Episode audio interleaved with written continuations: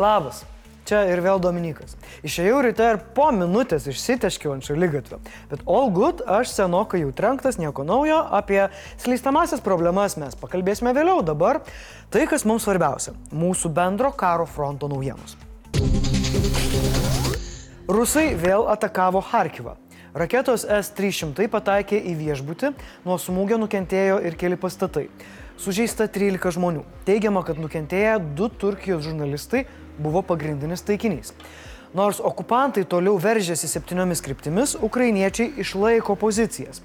Bet manoma, jog rusai ims pulti naują kryptimį, nes tų rusų fronte, kaip skirių, kiek be nutriekštum, nu jų vis tiek pilna. Putko zombių sausumos pajėgų grupė sudaro 462 tūkstančiai potencialių lavonų.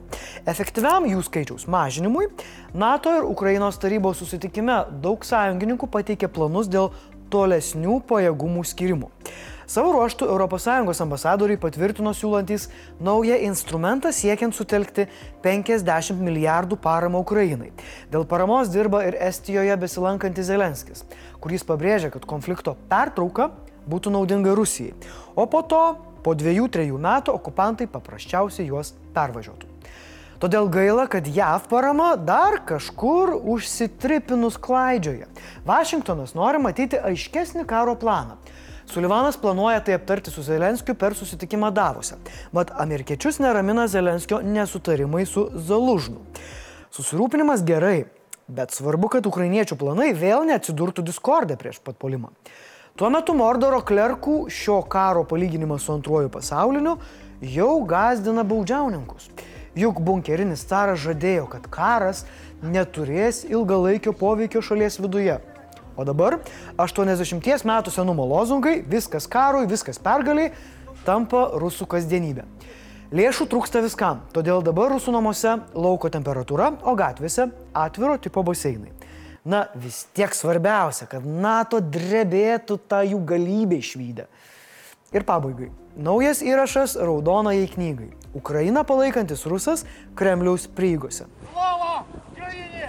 Gerojams slava.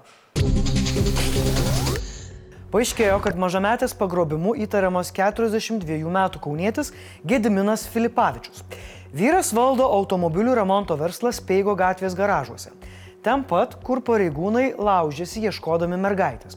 Tik mergaitė buvo rasta nuomojamame garaže technikos gatvėje. Paaiškėjo, kad ten keistuose narvuose buvo rasti ir du katinai, šuo ir peliukas degu. Šiuo metu dėl pagrobimo pradėtas ikiteisminis tyrimas. Jis suimtas trims mėnesiams. Anksčiau neteistas įtariamasis nekarta baustas administracinė tvarka. Kauno apylinkės teisme Filipavičiaus atžvilgių nagrinėjamos trys administracinių teisės pažeidimų bylos. Jis konfliktavo su kaimynais Karmėlovoje dėl kertamų medžių ir ekskavatoriumi nulyginto miško šlaito. Tuomet įtartinai besielgintis protestuotojus ekskavatoriumi gazdinės, vyras buvo išvežtas į ligoninę. Autistiškų vaikų mamų bendruomenės pranešė, kad įtariamasis prisistatydavo autizmo gydytoju. Esą gydyti jis galėjo nuotoliniu būdu, tai reikia atsiųsti vaiko nuotrauką. Taip sakau, iš tų nuotraukų irgi vienokios nuotraukos vienaibiškai atrodo, šitos kaip čia gali ir nusispėlioti į pievas bet gal spėčiau labiau, kad pasiutęs manis toks turėtų būti. Apie įtartiną asmenį mamos pranešė policijai, tačiau tyrimas nebuvo pradėtas. O surasta mergaitė yra saugioje aplinkoje su tėvais ir specialistais. Nepranešama, ar šeimą saugo policija, tačiau jei to prireiktų, apsauga šeimai būtų skirta. Į visuomenę kreipėsi ir mergaitės tėvai dėkodami už pagalbą. O dabar šeimai labiausiai reikia ramybės ir privatumo. Primenama, kad siekiant apsaugoti mergaitę nuo papildomo traumavimo, svarbu išimti arba pakoreguoti nuosmeninant visas su mergaitės paieška susijusias žinutės, neskelbti vardo, pavardės, gyvenamosios vietos, gimimo datos ir kitų asmens duomenų. Izraelio gynybos pajėgos Han Junise ir Magazi tęsia kovą su Hamas. Pasak analitikų, jie pliekėsi šiaurinėje dalyje, o Hamas vis dar turi stiprų vadovavimo ir kontrolės tinklą. O čia matote naujai paskelbtą Hamas tunelį, kur manoma buvo laikomi įkaitai. Tunelis jungiasi su plačiu požeminiu tinklu. Izraelio premjeras Netanjahu greičiausiai jaučia spaudimą, nes dabar jau kalba, kad Israel has no intention of permanently occupying Gaza or displacing its civilian population. Tiesa, vienas aukšto rango jo partijos narys sako, kad Netanjahu anksčiau labai palaikė perkelimo idėją, tačiau idėjos atsisakė susidūrė su JAV pasipriešinimu. Sklinda gandai, kad buvo planuotas palestiniečių perkelimas į Afriką. Ši premjero kalba pasirodė išvakarėse šiandien prasidėjusio Tarptautinio teisingumo teismo posėdžio, kuriame svarstoma Pietų Afrikos Respublikos iškelta byla prieš Izraelį dėl genocido. Tarp kaltinimų ir prievartinis civilių iškraustimas bei agresija kurstantis valdžios atstovų pasisakymai. Izraelis atmeta kaltinimus ir žada apsiginti. Jei teismas pripažintų, kad genocidas vyksta, Izraelis gali būti įpareigotas nutraukti karą Junktinių tautų saugumo taryboje. Tačiau tai gali būti sudėtinga, nes joje Izraelį palaiko veto teisę turinti JAV. Tuo tarpu saugumo taryba priėmė rezoliuciją, kuria raginama nutraukti Irano remiamų Jemeno hučių sukilėlių išpolius prieš komercinius laivus Raudonojoje jūroje. 10 procentų pasaulio laivybos vyksta Sueco kanalu, tad išpoliai tikras galvos skausmas didžiosioms šalims. Tik paskutiniu metu netrodo, kad jungtinės tautos duotų kokios tai naudos. Dailiojo čiažimo čempionatas vyksta ne tik Kaune, bet ir Vilniui. Tiksliau, sostinėje nerangaus leidimo čempionatas, kurį organizuoja plikledžių pasidengusios gatvės. Dėl to iki 7 val. ryto dėl skubios pagalbos į medikus jau buvo kreipėsi daugiau nei 200 traumatologinių pacientų. Dvigubai daugiau nei įprasta. Bet yra šansų, kad nukentėję galės kreiptis dėl kompensacijų. Kiekvieni blogai atlikti darbai yra aktuojami. Spręsime tai kartu su įmonėmis, kurios yra drausti nuo tokių, nuo tokių, draustos tai yra nuo tokių dalykų. Vilniaus savivaldybė pranešė, kad nors barstomi padidinti druskos ir smėlio kiekiai, situacija nebuvo suvaldyta. Gamta padarė savo. Vakar buvo išbarstyta apie 360 tonų druskos ir virš 100 tonų smėlio. Problemų yra ne tik Vilniui. Nuo pat ryto slidžios gatvės buvo daugybėje pagrindinių kelių. Pietų ir šiaurės Lietuvoje kelių dangos slidžios dėl susiformavusio plikledžio, rytinėje vietomis provėžotos, padengtos pažliugusių sniegų. Dėl lietaus ir išalusios žemės šaligatviai gali būti pasidengę ledu, todėl jei gali dirbti iš namų, ar tiesiog niekur neiti, tai na, taip ir padarykit.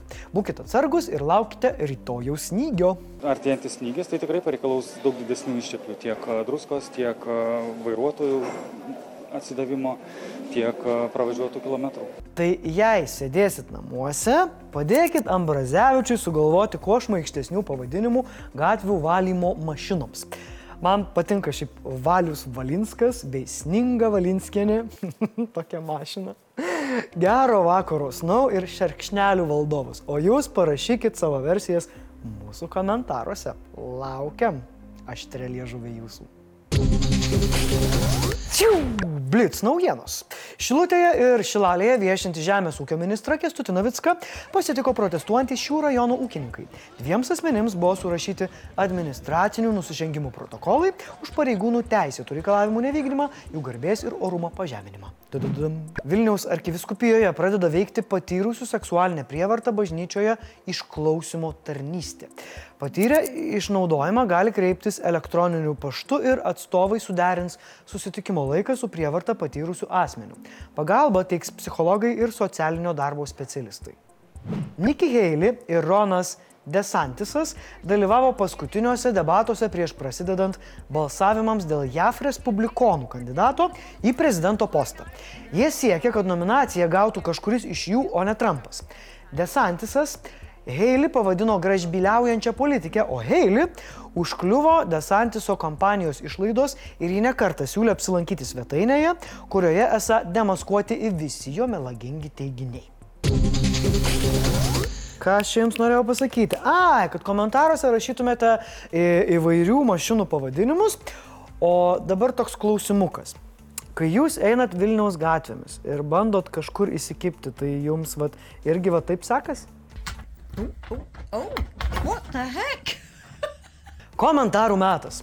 Gal galime visi padėti atsakyti notlorų, kuris klausia, kodėl atskyrus žodį e, celo ir fanas, tai skamba kaip celofanas. Ar celofanas gali būti celofanu? Mm, labai įdomi priebalsių asimiliacija. O daugiausia spėjimų, kokį barą pasirinko Armane Landsbergis, tai, na, daugiausia jūsų ir atspėjot, ko gero, būsi trečias. Nes uh, būsi trečias labai arti prezidentūros šiaip yra. Šitam praeinu.